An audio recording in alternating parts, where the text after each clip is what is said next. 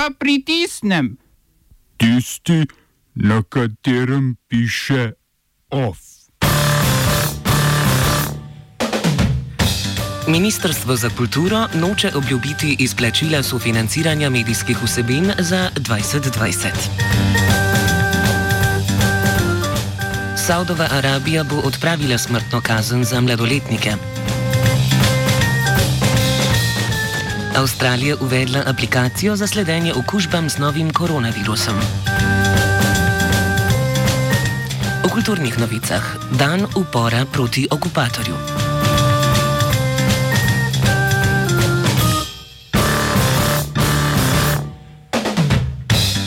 Saudova Arabija namerava odpraviti smrtno kazen za mladoletne prestopnike. Odločitev kralja Salmana je še en popravek kazenskega zakonika. Pred nekaj dnevi je odpravil tudi kaznovanje z bičanjem. Tega bodo nadomestile globe in zaporne kazni. V letu 2019 so po poročanju organizacije Amnesty International v državi izvedli 184 usmrtitev. Vsaj ena naj bi bila oseba, ki je zločin zagrešila mladoletna. Namesto smrti bodo v prihodnosti mladoletniki kaznovani z največ desetimi leti zapora v popravnem domu za mladostnike.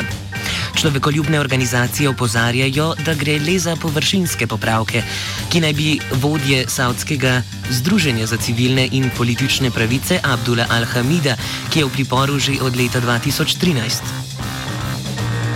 Umrl naj bi zaradi kapi, ki jo je imel že v začetku aprila, a očitno ni bila dovoljšen razlog za prekinitev pripora. Seveda, lajšanje predvidenih kazni ne pomeni, da bo Saudova Arabija prenehala zapirati vsakršnega posameznika, ki izrazi mnenje neskladno s kraljevim.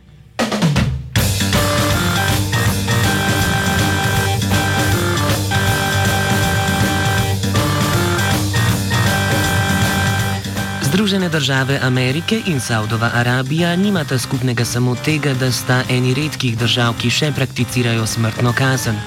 Prav tako spadata v ekskluzivno množstvo držav, ki za lastne interese vojaško posredujejo na Bližnjem vzhodu. Saudska agresija proti Jemnu je utrpela nov udarec, potem ko je Južni prehodni svet, jemenska separatistična skupina, ki ima svoj sedež v Adnu, na jugu države razglasila samo upravo. S tem krši določbe novembrskega mirovnega sporazuma z jemensko vlado predsednika Abtara Bumansur Radija, ki jo podpira Saudova Arabija in jo sicer priznavajo tudi Združeni narodi. Ta zahteva takojšnjo vrnitev v stanje, ki ga predvideva sporazum iz Rijada. Nekdani zaveznici v vojni proti hutijskim upornikom sta lanskega avgusta padli v boj za oblast, južni prehodni svet pa je zavladal, zauzel Aden. Vojskovanje je prenehalo novembra, a mirovni sporazum predvideva tudi umik vse težke artilerije iz jemenskih mest ter vlado narodne enotnosti, ki je še ni na vidiku. Ki je šele spopad z islamsko državo, ki je vse od saudske intervencije v Jemnu pridobila na moči.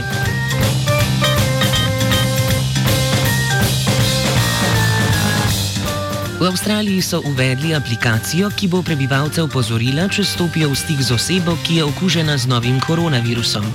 Uporaba je prostovoljna, v enem dnevu pa si jo je preneslo slaba 2 milijona ljudi. Za prijavo so morali vnesti ime, telefonsko številko, okvirno starost in poštno številko. Podatki se šifrirani hranijo na vladnem serverju in se po treh tednih izbrišajo. Avstralske oblasti prav tako trdijo, da aplikacija ne sledi lokaciji uporabnikov in da je njena uporaba varna, saj nihče razen zdravstvenega osebja nima dostopa do osebnih podatkov.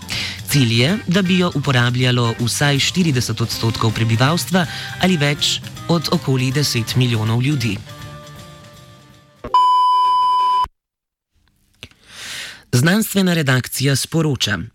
Zaradi padajočega števila novo okuženih s koronavirusom Slovenija tedni previdno sprošča ukrepe, pri čemer opozarja na morebitni drugi val okužb. Ker je ena izmed lastnosti širjanja virusa eksponentna rast, širjenje hitro preide iz nadzorovanega v nenadzorovanega in edini način, da to ustavimo, je ponovna vzpostavitev neke vrste karantene. Ali v besedah Milena Kreka, Janševega človeka na čelu NIJZ-ja? Najbolj se bojim kresovanj. En sam prvomajski žur lahko pripelje do katastrofe. Dovolj je, da tja preide en oziroma pride en okuženi z novi, ko, novim koronavirusom, pa bomo v roku 14 dni imeli po 50 novo okuženih dnevno. Kljub temu opozarjamo, da Krek sploh ni strokovnjak na področju. Povprečna inkubacijska doba se giblje med 4 in 6 dnevi. Pokazateljev, da se virus uspešno širi na prostem, še nimamo. Nazaj na drugi val. Nekaj dni nazaj so tako naprimer morali ponovno vzpostaviti karanteno na Hokkaidu, najsevernejšem otoku Japonske. Kljub temu, da so vsaj na prvi pogled prvi val okužb uspešno zaustavili z zelo strogimi in zgodaj sprejetimi ukrepi za zajezitev, ter so imeli na dan zaznan eno ali dve novi okužbi, so okužbe začele kmalo po sprostitvi ukrepov zopet naraščati in otok je ponovno v karanteni. Drugemu valu se lahko izognemo le z zmanjšanjem širjenja virusa. To pa lahko glede na še neobjavljeno raziskavo britanske raziskovalne skupine iz Londonske šole za higieno in tropsko medicino na otoku dosežejo le s kombinacijo obširnega testiranja, sledenja stikom in izolacije tako okuženih kot tistih, ki so bili v stiku z njimi. Poleg tega bi morali slediti tudi zmernim pravilom fizičnega distanciranja. Enake ukrepe bo potrebno sprejeti tudi pri nas.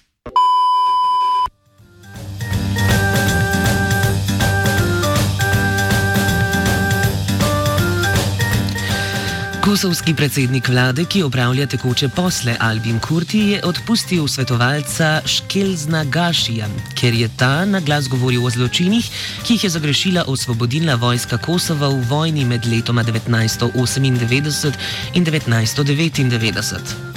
Na Kosovem so zločini UVK tabu tema, saj vrh družbe prežet z nekdanjimi poveljniki, generali in pristaši. Mednje spada tudi nekdani predsednik vlade Ramuš Hardinač, ki je lani julija odstopil zaradi poziva posebnega sodišča v Hagu za vojne zločine na Kosovem. Preiskava se še ni začela, a to ni prvo Haradinačevo zaslišanje. Leta 2005 ga je preiskovalo posebno sodišče za vojne zločine na območju Jugoslavije, a za obsodbo, kot v večini primerov sojenja vrhu OVK, ni bilo dovolj prič, saj so te kar po vrsti umirale v sumljivih okoliščinah.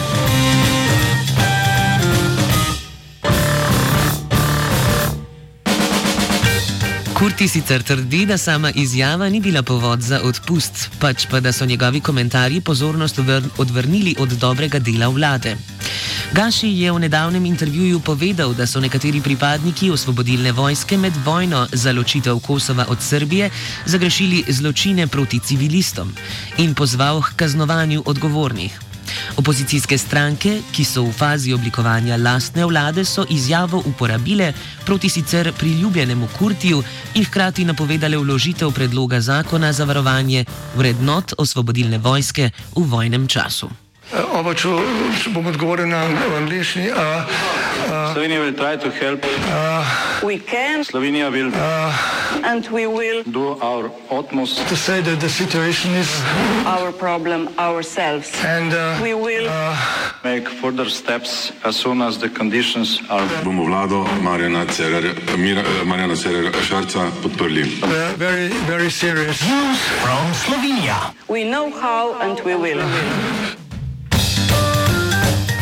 Ministrstvo za kulturo je oznanilo, da ne more zagotoviti izplačila sredstev že zaključenega razpisa za sofinanciranje medijskih vsebin iz lanskega leta. Ta se je zaključil 28. oktober lani. Programe pa smo mediji že v veliki večini izvajali. Ministrstvo nam tako sporoča, da bodo na vkljub podpisanim pogodbam za projekte lahko zagotovili le do 30 odstotkov obljubljenih sredstev. Preostanek nameravajo izplačevati po rebalansu proračuna, a zaradi razmer v državi ne morejo napovedati, kolikšen delež bodo zmožni pokriti. Prav tako ni jasno, kdaj se bo rebalans sploh zgodil. Društvo novinarjev Slovenije opozarja, da brez sredstev veliko medijev ne bo zmožnih izvajati izbranih vsebin, se zaradi upada prihoda iz oglaševanja težje pokrijejo svojo polovico, kaj šele sredstva, za katere nimajo zagotovila, da bodo vrnjena. Taki mediji so v besedah DNS predvsem lokalni in manjši mediji in programi s posebnim pomenom, ki bi že v normalnih časih brez javnih sredstev težko preživeli. Več v offsajdu ob petih.